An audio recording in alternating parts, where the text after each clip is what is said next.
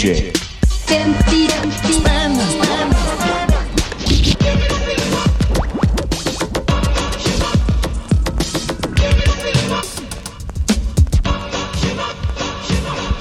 Mm. Nu blir det ungefär en timme av fullkomligt oviktigt och väldigt, väldigt, väldigt, väldigt passionerat snack om billiga begagnade plattor som ingen egentligen vill ha längre. Visst säljer jag in det bra? Det här är DJ 50 spänn och jag heter Tommy Jönsson. Och här går det till som så här. Jag bjuder in en gäst som får 50 kronor att köpa fem stycken knastriga loppisvinyler för. Och den här 50-lappen, den spenderades idag av Annette Eriksson. Välkommen! Tack. Det har tagit lång tid innan vi fick till det här, kanske ett år tror jag. Stämmer det? Det kan stämma. Och innan du kom hit så hade vi en liten sån här digital kommunikation på en social plattform där det lät lite som att du kanske inte var helt nöjd med de här fem skivorna du hade plockat på dig. Det var ju en smärtsam hantering att lyssna igenom det hela, kan man säga. Var, var det Hur smärtsam? Kan du sätta någon slags betygsskala på det? Artros? Jag njuter ju av att utsätta folk för det här, att gå igenom liksom ganska, ganska eh, ru- ruggiga backar med ruggiga skivor som inte är så dyra. Okej, vi måste prata lite om dig innan vi börjar spela skivorna som du har med dig här. Du är skivsamlare, har jag fått det rätt? Eh, ja, både collector och hoarder. Härligt. DJ, eller hur? Eh, ja, det kan man säga. Jag har torterat människor med min musik i 25 år. Och vad är det för musikutbud som då kommer ur, ur ditt DJ-ande? Oh, det kan komma så många obehagliga temakvällar så du anar inte. Vilken slags temakväll har, har du pinat mest med? Hmm. Jag försökte ha en hel tysk afton en gång, men det gick inte. Nej, det är väl hur lätt som helst höll jag på att säga. Ja, för dig är den gamla kraftverkriggare. Men alltså om man provar med att hålla tysk schlager en hel afton, det, det går inte. Nej, förr eller senare så kommer du till Heino. Ja, men det är en rolig idé och redan långt innan Heino så spricker det. Just det. Sen är det så här att du också spelar i ett band. Ja, det är ett band som heter Voladoras. Hur låter ni? Ja, vi spelar garagerock. Det, det är så enkelt, man behöver Ja, inte säga mer än så. Man behöver inte säga Nej. mer än så. Köp en jävla skiva lata människor. Nu känner jag lite att jag är väldigt, väldigt sugen på att börja beta av här. Kategori för kategori ur din hög. Vad sägs om att vi börjar med Nostalgiköpet.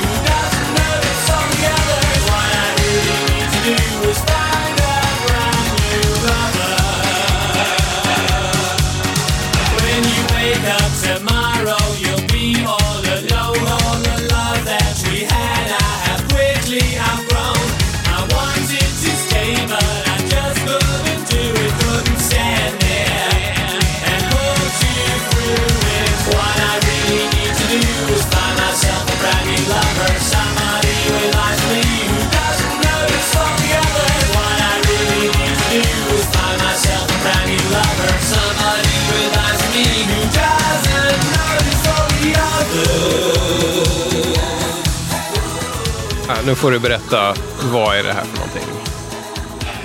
Ja, där dog ju myten om min ungdom. Alltså jag hade ju något minne av att det här skulle vara lite, eh, ja, gothic variant på härlig disco alla Sylvester och han låter ju helt jävla död. Ja, alltså eh, jag tänkte när den gick igång där, ett lite tuffare Kylie Minogue. Vad, vad var det du sa om det här alldeles nyss när vi lyssnade på låten? En full Rick Astley. Just det. Men det var alltså Dead or Alive. Den här låten hette Brand New Lover och det är från ett album som heter Mad, Bad and Dangerous to Know. Och det måste väl vara sista dödsryckningarna för, vad ska man säga, begynnelsen av detta band. Han står säkert och hoar någonstans än. Alltså jag har några singlar hemma som är minne efter när vi slutade gymnasiet och alla sprang åt olika håll. Då skickade vi skivor till varandra. Jag hade en kompis som skickade mig Culture Club-singlar tror jag det var. När de, när de fanns på fem kronor rea då köpte de och skickade dem till mig och jag skickade Wham-singlar till henne. Och så hade vi någon sån där kedja. Mhm. Hur man skickade singlar till varandra istället för vykort. Men Dead or Alive, då köpte alla och behöll själva. Nu får du liksom berätta lite om din, din relation till Dead or Alive. Har, har du en re- tidigare relation till just den här Dead or Alive-plattan? Nej, jag har några singlar hemma. Inte någon av de här låtarna. Det är ju ingen idé att lyssna på resten av den här skivan. För det här var det bästa, då kan du ju tänka dig. Ja. Och det är ju bara så här bloppa bloppa bas rakt igenom. Och han som låter lite nasal och trött. Ja. Och ja, det är variant på samma låt fast lite sämre. Ja, jag, jag, Again and again. Ja. I så här dåligt Susanne Lanefelt-tempo. Det börjar såsa ur lite på något sätt. Ja. Jag, jag måste faktiskt säga att jag blev besviken här. Jag, jag har avhållit mig från att liksom lyssna på den här innan bara för att jag tänkte att nu ska jag få den här Dead or Alive-kicken. Nej, du tittade på omslaget och tänkte gud han ser ut som Ian Asbury i Kallt. Just det. Han måste vara läcker. Det var en fruktansvärd besvikelse. Ja, ja men alltså, alltså, jag hade förväntat mig mer av den här Stock Aitken Waterman-produktionen. Att den faktiskt skulle håll, behålla lite grann av sin så här crunchighet och tuffhet. Men, men icke sa Nicke. Det, här- det, det var trögt. Alltså. Det var som att försöka sparka liv i en döende tvättmaskin eller någonting. Porrbas och trötta gubbar. Abort, abort. Vad, vad tänker jag om jag ska ställa en liksom stor och högtidlig fråga? Där. Vad, vad har eh, Dead or Alive gett dig i ditt liv? Man önskar ju man kunde säga herpes, men det kan jag tyvärr inte. Förkärlek till män i klänning, det hade jag redan. Det, just den här, det här Dead or Alive-albumet, är det, det, är det liksom Dead or Alive-albumet utan de så här självklara jättehittarna? Jag undrar om de hade så jävla många hits egentligen. Nej men alltså You Spin Me Round, alltså Ja. där, där, det, den kan ju liksom snurra igång i huvudet eh, vid minsta och stimuli och där fick jag för mig att han så här morrsjöng. Och det är ju egentligen det värsta jag vet. Folk som morrar när de sjunger, trodde jag. Men det här var ju ännu värre. Mm. För nu låter han ju inte som att han har vaknat än. Riktigt. Nej. Eller, jag vet inte. precis. För övrigt är det lite ett tema som jag har råkat få med mig idag då. Trötta karar. Tr- Trötta män? Ja, Ja. okej. Det kan vi se fram emot, alltså fler trötta män Ja. i den här. Ja. Men eh, om jag skulle sova med någon av männen så väljer jag nog Pete Burns. ja, precis. 85 då. Det krävs en tidsmaskin också då. Ja. Då- Det krävs alltid en tidsmaskin. Vilken är din musik egentligen? Är det sån här, vad ska vi säga, lite halvfarlig tuggummi eh, discopop eller är det någonting annat som är sånt som du älskar mest? Oh, jag är ju väldigt förtjust i fransk 60-talspop och glamrock och speciellt Michel Polnareff. Mhm. Du får nästan berätta mer vem det är för att det, det, där är, det där är faktiskt en referens som flyger i huvudet på mig. Vilket beror på att jag är frankofob. jag är anglofob. Ja men det är jag också. Säg ett land du gillar. Jag är ju svag, alltså om, om, om i den anglofona världen så väljer jag alltid liksom USA framför Storbritannien. Sen är jag ju germanofil. Men det, det beror ju på ett tidigt kraftverkmissbruk som ledde in på tyngre saker. Se där. Ja, Själv har jag en fäbless för Finland. jag är helt för Finland också men liksom lite sämre orienterad kan man väl säga. Hur tar vi oss tillbaka till Polnareff från Finland? Det vet jag inte riktigt. Eh, det, det kanske inte finns en klar väg, men det, det, var, det, det var väl bara att jag försökte tråla efter lite vad, vad, vad din, liksom, eh, hur, hur din eh, musikvärld ser ut. Men då kan man börja med Polnareff för då får man aldrig tråkigt. Han är ett eget musikuniversum. Men som med alla fa- mina favoritartister, om man droppar det för folk så är det alltid någon som hör av sig sen och säger men det här kan väl inte vara någon av hans bästa skivor? Då svarar jag jo och sen är det helt tyst för evigt. Ska vi avsluta den här Dead or Alive-konversationen och gå på nästa kategori? Random Access Vinyl. Vad ser du framför dig egentligen? Jag håller upp skivomslaget här. Jag ser jättemycket läppglans. Jag ser ledsen clown och någon slags teaterutbildning. Och hallå, och hallå Så kom och sätt dig här.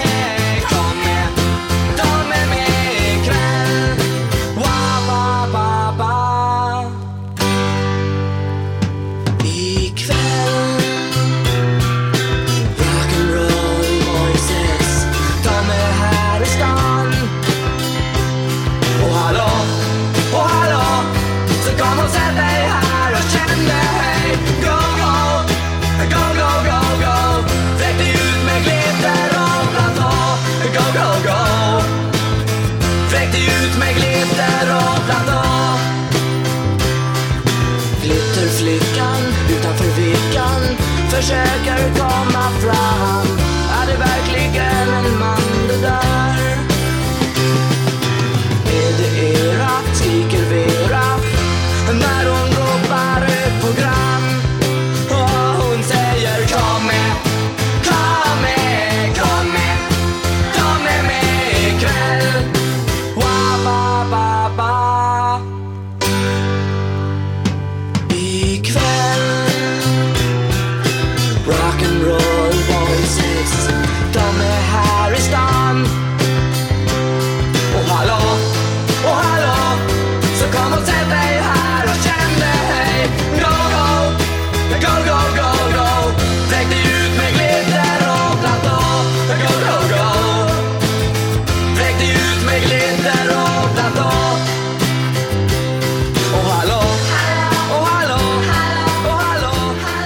får du berätta vad det här är. Även om jag gissar att de flesta ändå plockar det här någonstans. Vem det var i alla fall.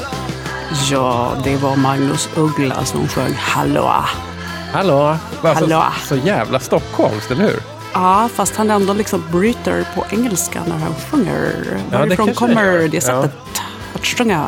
Jag vet inte, nu, nu är det mina fördomar som talar, men det kanske är någon slags eh, märklig aristokratgrej som kommer från Ugglas då adliga förflutna. Kan så vara. Eller så var det att han bara skulle hitta en grej som var hans och bara hans. Du menar en Grey? En Grey, ja. Precis. Det här var alltså från skivan eh, om Bobo Viking från 1975. Ja. Eh, är, är, det här är Magnus Ugglas första soloalbum, va? Ja. Vad kände du när du fick upp den här skivan? Va? Och den här jäveln finns. Alltså Livets teater, det är Ja. hans andra skiva. Det är något som han har gått omkring och sagt som ett skoj i hela sitt liv. Livets teater, Mm. för att det är så roligt. Vi kom in på det precis innan vi spelade, att jag tyckte mig se teaterutbildning och det var inte helt fångat ur luften utan han, han är en sån här Kalle Flygare-elev eller något sånt där, va? Jag tror att myten går att han fick kicken från Kalle Flygare. Mm. Varför vet jag ej. Nej. Och, och då kom den här uh, glammiga trallrocken istället. Ja, Då. men det är underbart Ja. att han verkligen vill vara David Bowie. Och så bara är han det. David Bowie i, i ett 70-tals Stockholm. För jag satt och tänkte på när jag hörde det här att har, har Magnus Uggla fått den cred han faktiskt förtjänar som Stockholmsskildrare? Undrar jag. Här namndroppar han ju ställen, så här Vickan, alltså Victoria i Kungsträdgården och Ja, men du vet, man får en bild av att eh, vara cool i Stockholm 1975 på något sätt. Ja, men det enda man vill det är ju att ha platå och gå på diskotek. Precis. och så sjunger han ju ändå om, vad var det, ta med mig ikväll och fruntimmer hit och dit. Mm. Bara ett par år senare så hade han ju skinnpaj och skrev om, och skrev om fruntimmer igen. Men då blev det ett jävla liv i tidningarna. Ja, det blev det. Men han har väl lyckats också sen, eh, många år senare, klämma ur sig saker som känns väl nu för tiden inte helt fräscha om, liksom, om bögar och HIV-smittade och allt möjligt sånt. Liksom. Där har jag blundat med hela min kropp känner jag. precis. När började du blunda för Magnus Uggla och sluta lyssna? Alltså, jag var ju tvungen att dansa till Magnus Uggla på disco i typ sjätte klass. Mhm. Vilken skiva var vi då ungefär? Ja, vad, vad heter den? Vad ska man ta livet av sig för? Om man ändå inte får höra snacket efteråt. I Sverige måste alla ha ett förhållande till Magnus Uggla. Vilket är ditt? Vad känner du för karn? Varför stannar du inte på diskoteket? När lämnade han diskoteket undrar jag? Ja, det var väl när jag sett Clash på Grönan, säger väl myten. Det var då han hade bytt identitet. Polletten trillar sakta ner med hu- huvud och det, och det är att, att Magnus Uggla är en sån här väldigt lättpåverkad eller vad ska vi kalla det, lättinspirerad person. Att, Och det är väl härligt tycker jag. Ja, det finns någonting bejakande i det. För Ja. Jag tänker att han också så här, nå- någon gång på 80-talet faktiskt gjorde en, en prog-coverplatta. Vil- Vilket känns väldigt inopportunt att göra runt 86 eller 87 när den kan ha kommit. Men- men Detta har jag missat. Nu har jag något att googla i natt. In kommer Gösta och, och Vem kan man lita på och allt möjligt sånt där. Där, där han såklart skriver om texterna. Och, och, och en ryslig 80-talsproduktion i någon slags Ja, här. vänta nu, vem syntig kan man hej, lita på? Det här har jag nog hört någonstans. Ja. Ja. Och Ja, och sen, krupit ner i min helkroppskondom och knutit till.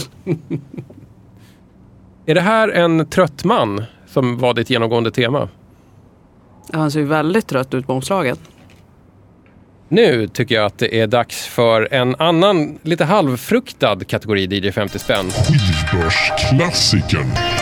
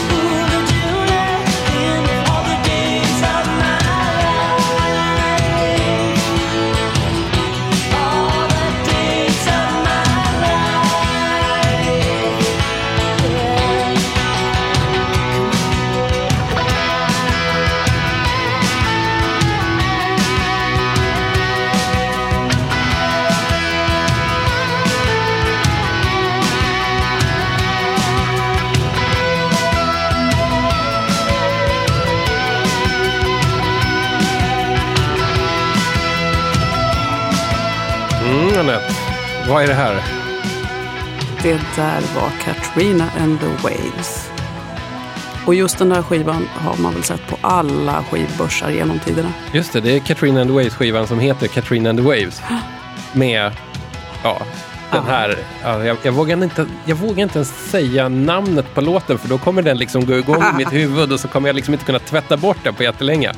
Det handlar någonting om att man ska gå på eh, solstrålar på något sätt. Så gör det, Det är lite problemet med Katrina and the Waves, är det inte det? Att på grund av att den låten är totalt sönderspelad och lite för äppelcheck för att man ska kunna stå ut med det, så aktar man ju sig lite för Katrina and the Waves. Men när jag hör det här nu, den, den här låten som också hette då Going Down to Liverpool, Ja, var ju inte fy skam. det var inte så tokigt. Bra P4-musik känns det som. Ja, men innan Katrina and the Waves fanns ju The Waves.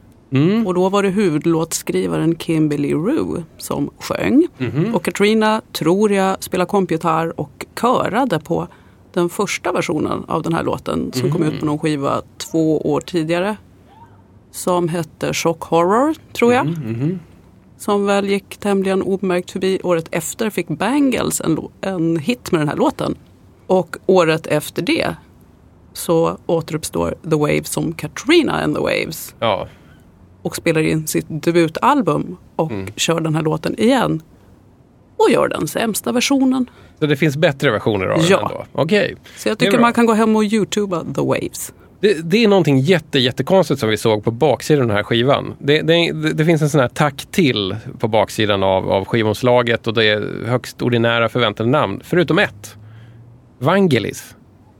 Varför? Va, varför, Varför? Det, är, det här är så mystiskt. Du, har du någon aning? Nej, obegripligt. Nej, inte jag heller. Om någon där ute vet eh, var, vad, vad det finns för connection mellan Katrina and the Waves och min tjocka favorit grek. Maila in hej snabel a dj50spann.se är adressen i så fall. Jag vill faktiskt veta det på riktigt. Vad kan man säga mer om, om den här skivan med Katrina and the Waves? Man kan ju även säga att innan The Waves, Katrina and the Waves, Mm. så var ju Kimberly Rue med i Soft Boys med Robin Hitchcock. Kolla, Min älskade det, favorit. Det här älskar jag. Nu kommer det jätte, jättemycket backstory som jag hade liksom väldigt vag koll på. Så att liksom fram tills Katrina and the Waves så var allting egentligen ganska bra. Och sen så är, är, är det liksom, kommer det en hit som gör att man inte tål dem efteråt. Eller blev de bra sen igen? Ja, sen vann de ju schlagerfestivalen typ 90, Ja. inte vet jag, 97, Ja, just det. det är inte 99. så- och den alltså, enda research jag gjort inför detta program det var att kolla vem skrev den låten? Jo, det var Kimberly Rue. Igen. Igen. Mm. Så jag tänker, ja, den kanske inte var så bra, men det är ju kul om du får pengar på gamla dagar. Du, nu är det en eh, butter skiva här. Som jag är lite sugen på att slänga på skivtallriken. Det har blivit dags för Chansningen. You say your heart's made out of steel? No one's gonna get so close, no one's gonna know how you feel. Now you're a punch drunk, fun, a little SOB. You say your mind is made up, isn't that the way that it's supposed to be? And it's a long way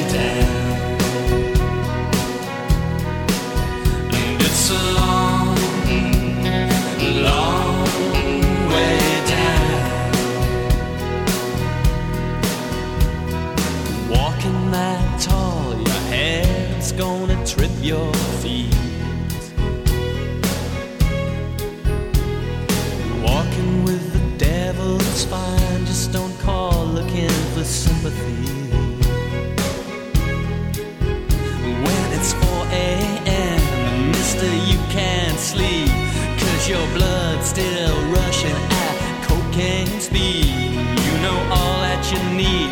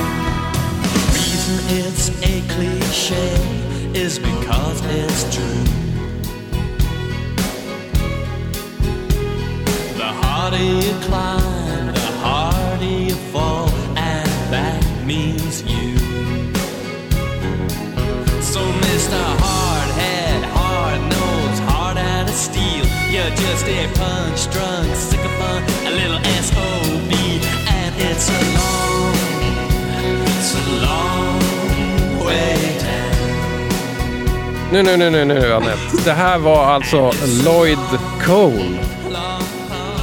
Ja, herregud. det var Ja. det. Det här får bli min bildningsresa, sa du. Vad menar du med det? Ja, men jag tänkte jag måste ju ta reda på hur fan lät karln egentligen? Ja, det lät ganska stillsamt och ganska vuxet tycker jag. Ja, Men det här kanske är en sån här vuxen Lloyd Cole-platta. Alltså det här, låten här nu, hjälp mig nu, vad hette den här nu igen? Den rann ut ur huvudet. ja, hur ska man kunna komma ihåg det? Det är säkert något med coming on down eller något sånt där. A long way down. Long way down. Från alltså, Lloyd Cole-plattan som jag tror heter bara Lloyd Cole. Men Ja. jag tror att den känns igen på att det är ett stort kryss liksom, som ser målat ut över en svartvit bild av Lloyd Cole. Ja, och så tittade jag på den och tänkte men herregud, ville han egentligen vara Michael Hutchins kanske? Ah. Han kanske var trött på sin den där intellektuella imagen. Men hans storhetsperiod, det måste vara så här 84-85. Precis, här. Han var- Lost Weekend. eh, Ja, men han ja. var både snygg och knepig och Mm. beläst och ändå lite smått rajtan-tajtan. Så jag har fått för mig att han alltid hade vinröd, vinröd kostym. Mm, kan stämma. Jag har sett honom en gång. Och det är väldigt oklara omständigheter. Det kan ha varit, eller så blandar jag ihop det. Det var definitivt på Melody. Det kan ha varit en konsert med Traste Lindéns kvintett och Perssons pack. Mhm. Och Lloydan. Och eh, sen som någon slags surprise act så kom Go-Betweens upp på scenen. Jaha, okej. Bara herrarna. Ja. Och körde som duo. Och mitt i alltihopa så kommer det, om jag minns rätt, en vinröd kostym med väldigt svängig gång och två shotsglas upp på scenen. Och det är Lloyd Cole Det här låter fantastiskt. som bränner när, av någon låt. när var det här? Ja, min glansperiod. Ja, får- Sent 80-tal, tidigt 90-tal. Ja, ja. Det måste ju ha varit sent 80-tal Ja. eftersom den här skivan är från 90 och här är ju kalaset över. ja, så, Det hörs så ju lång väg. Ja, precis. Det finns, det fi, ja exakt. Elände, elände, elände. Ja. Det är alltid väldigt tragiskt när någon sjunger om coke and speed. Och ja, Men du, han har till och med bytt- frisyr. ja, ja jättebra, jättebra att du säger det. Han, han har vad jag kallar för en så tidig 90-talspars. Ibland även känd som, alltså det är en pars, en herrpars som kan förkläs till olika saker. Till tidig ravepars eller till Bratz-seglarpars. Eller bara till svår töntig kille-pars. Eller blivande uteliggare. Ja, Men alltså den här glada slängluggen, den är ju långt borta. Jag antar att det här är en av de här trötta männen som du nämnde tidigare. Som skulle vara som någon slags liten röd tråd genom din skivpacke här. Ja, det var ju en farligt trött man. Vad skulle man kunna göra för att liksom väcka upp, skaka liv i Lloyd Cole? Det vill man verkligen det. Nej men jag tänker så här, är det, är det liksom är, är det så här hjärtstartare eller är det liksom ett, ett chili-lavemang? Eller vad skulle behövas för att liksom få honom att så här gaska upp sig? En ny frisyr. En ny frisyr. Hundra spänn på att han har samma frippa fast lite kortare och lite gråare. Men han sjunger om att han har knarkat så han har ju säkert håret kvar. F- Vadå, finns det ett samband? Ja, Det visste inte jag. titta noga. Alla gamla hårdrockare som har outat att de har hårsat i sin ungdom, det är de som har manarna. Det är inte vetenskapligt det här på något Nej, sätt. nej, men det- du har noterat ett samband i alla fall. Ja, Eh, jag vad tänker ofta det? på sambandet. Anekdotisk evidens, eller vad kallas det? Jag är dålig på sådana där termer. Sen ska vi också notera det att det finns ett eh, foto på inneromslaget som, som, där eh, Lloyd Cole tittar ner. Och jag kan bara se liksom en tidig ZTV-mässig Henrik Schyffert i den bilden. Men De- alltså sådär tjock har väl Henrik Schyffert aldrig varit. Är Lloyd Cole så tjock på den här? Att Det är inget smickrande. Jaha, du tänker på den där bilden. Jag tänkte Ja. på den på innerkonvolutet där. Vi tittar. Det där var väl inte snällt. Nej men okej. Eh, Henrik, Henrik Schyffert vinner utseende matchen mot Lloyd Cole får vi säga. I alla fall på det här fotot. Det får stå för mig. Eh, hörru, varför chansade du på Lloyd Cole? Du känns ändå som en människa som ändå har hört Lloyd Cole tidigare. Ja men En det enda jag kom ihåg det var det där muntra I was walking my bag. Eller hur fan det gick, lila Mm. kostymeran. Och så ser man det här och tänker, ja vad blev det av den här karln? Mm. Han ser ut som att han har fortsatt med musik. Det roligaste var ju när jag satt någon gång på Bröderna Olsson i ett eh, samtal med människor. Och så satte vi samma bord ett annat gäng människor i ett annat samtal. Vi satt med ryggarna mot varandra, jag och min kompis. Och så plötsligt så vände han sig om och så knackade han på mig och sa Du, du, du Anette. Ja? Vad heter han som tjejer gillar? Lloyd Cole, sa jag. Och så fortsatte vi vårt samtal. Det var helt självklart. Ja. Lloyd Cole, det är han som tjejer gillar. Var det också rätt svar? Alltså, Det var rätt frågan? svar. Så vi bara vände oss om och fortsatte. Men är det så? För att jag, de jag känner som är, är inne på Lloyd Cole är eh, killar som läser mycket. Eh, alltså, alltså jag har en teori om att det finns en slags Lloyd Cole-man här, här i världen. Så, så, alltså, som är... Eh, jag skulle säga att det är en väldigt tydlig heterosexuell man utan att vara utåtagerande heterosexuell. Det är ju väldigt roligt att du säger det för jag slängde ut min sambo igår när jag skulle lyssna igenom de här skivorna. Men som var väl tvungen att gå och hämta någon jävla örtte eller någonting. Så att han lodade förbi då, mysbralla, 13 floor elevators, tekopp med professor, frisyr. Det här låter som en sån här gubbman. Håll käften så jag försökte få honom att gå. Ja, men det här är sånt som människor som säger en bra låt är en bra låt. De gillar det här. Sen pratar min sambo överhuvudtaget inte den dialekten men det kändes bra att säga det där med lite underbett. Mm, mm. Ja, men det kanske är det närmaste vi kommer Lloyd Cole-mannen här. Min enda ledtråd till att det finns en Lloyd Cole-man i världen är, är, är just det här som jag själv gjorde mig skyldig till nyss. Att referera till Lloyd Cole som Lloydan. som, som, som en gammal kär vän från åren på universitetet som man kan liksom ha ett litet smeknamn, du vet, relation till sådär. Och jag tror att när jag gick på universitetet kan jag ha kallat honom Lloydan. Hej, jag heter Jocke Boberg och jag företräder det svenska tacoarkivet. Just nu håller vi på att dammsuger alla svenska loppisar efter samtliga exemplar av Taco Putting on the Ritz. If you're blue and you don't know where to go to, why don't you go where fashion sits? Putting on the Ritz. Vill du bidra till det svenska tacoarkivet kan du läsa mer på dj50spänn.se. Vi ser fram emot din gåva till det svenska tacoarkivet. Har du den singeln hemma? Jag höll på att säga tyvärr men det blev ju fel. Svaret är nej. Ja, vad synd, då kan du inte hjälpa Jocke Boberg att bygga upp det svenska tacoarkivet. Jag hoppas att det går jättebra för honom. Har ni singeln hemma och vill bli av med den, kolla på dj50spann.se. Posta den till Jocke så kan han bygga världens största taco-singelarkiv. Jag, jag tycker att det är en berömvärd gärning faktiskt. Men jag har varit ledare i jazzgymnastik och då använde vi den låten. Fyndet. Jag- är ett frågetecken här, Anette. Ja, jag Va, va, va, va. Otroligt spännande tycker jag. Jag rökte ju på omslaget.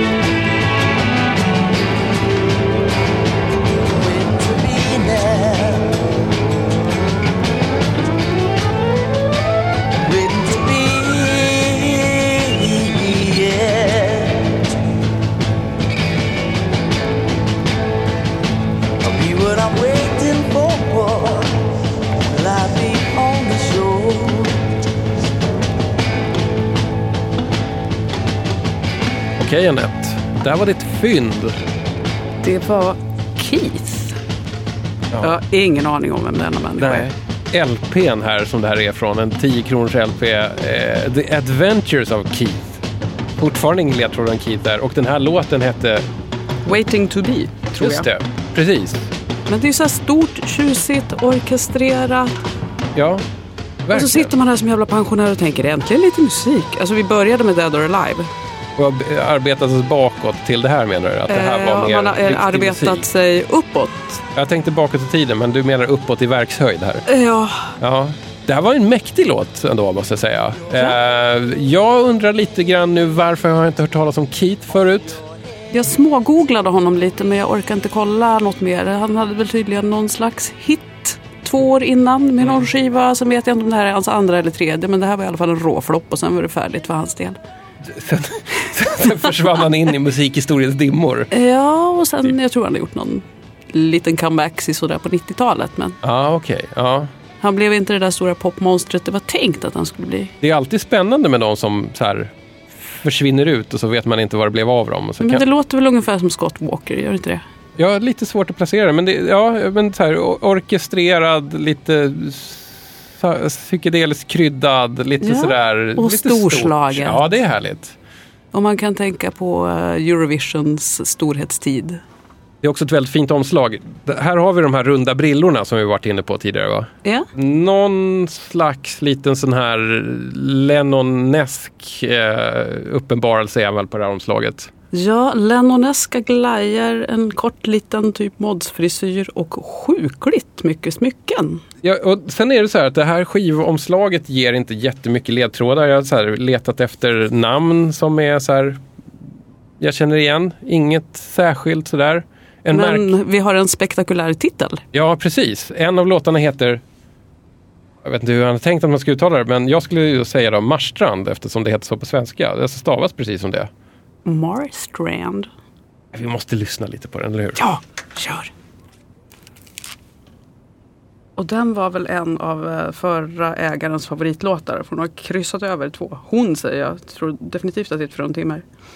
V- vad tar du det på förresten? Lyssna. You don't know what you see there. Just to be there would be nice.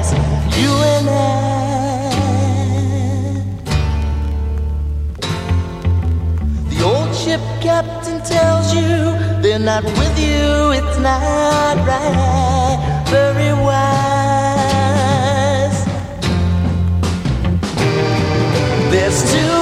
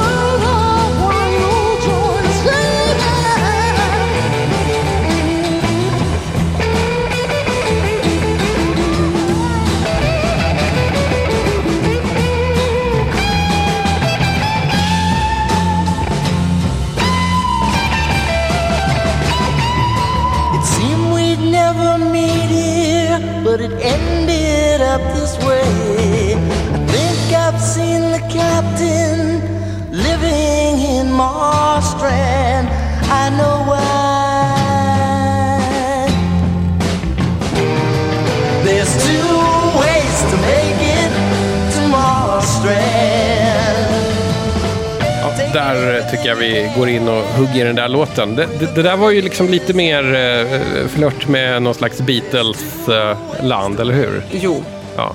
Vi nämnde faktiskt innan där, eh, alltså någon slags Lennon-liknande uppenbarelse bara om omslaget. Nu, nu läste jag lite grann på min fusklapp där och då visade det sig att han har faktiskt stått bredvid John Lennon en gång i en pissoar och fått beröm för sin stora hit som vi nämnde förut som hette 98.6 tror jag. så var det. Ja. Siffror, det kommer jag aldrig ihåg. Så, så det, det var ändå liksom lite touched by a Beatle och så gö- gör han en sån här Beatles rip-off som handlar då om Marstrand som en spännande plats att åka till. Ja, Jag bara fantiserar om att han hade någon läcker böna från Marstrand. Jag tänker långt ljust hår med lugg. Jag tänker lik Cynthia Lennon.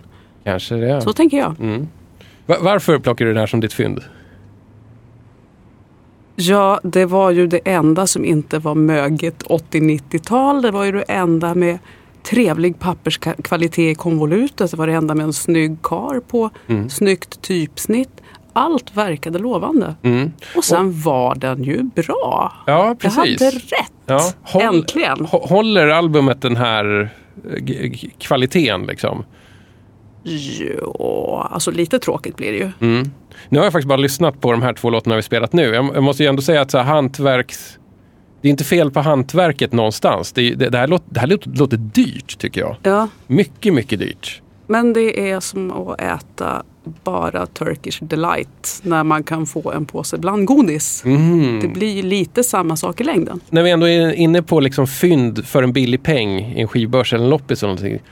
Vad är liksom ditt bästa fynd som du någonsin har gjort utan att liksom bli ruinerad? Det här ser ut som en svår fråga på ditt minspel. Ja, för jag har ju inget minne. Jag måste ha gjort något fantastiskt fynd någon gång och det kommer jag faktiskt inte på. Uh, håll den frågan. Vi Ja, kanske jag kommer på det. det. Men vad skulle du helst vilja hitta för en billig penning?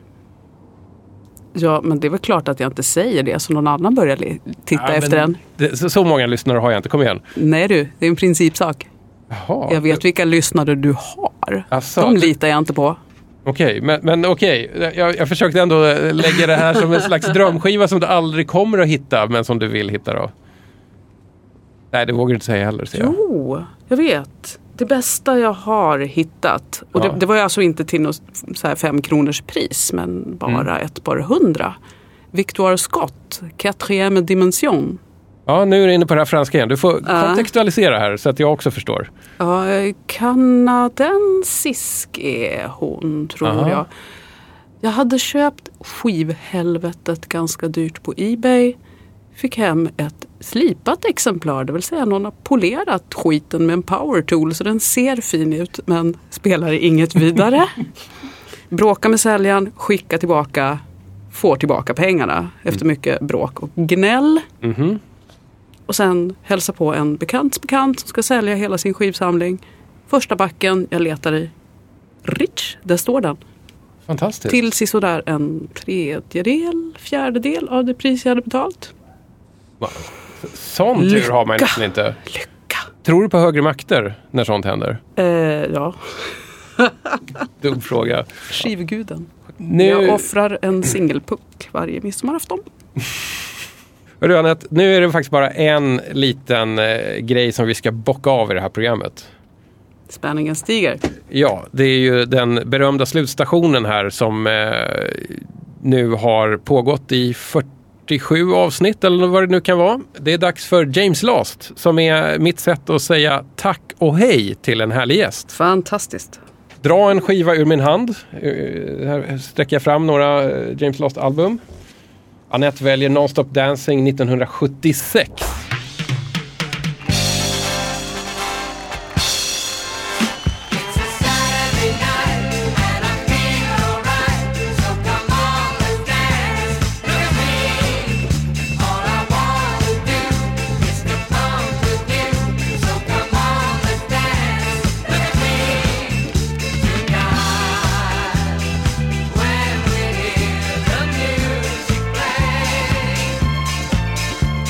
Anette Eriksson, det var underbart att ha dig här i DJ 50 spänn. Det var fantastiskt trevligt att vara här.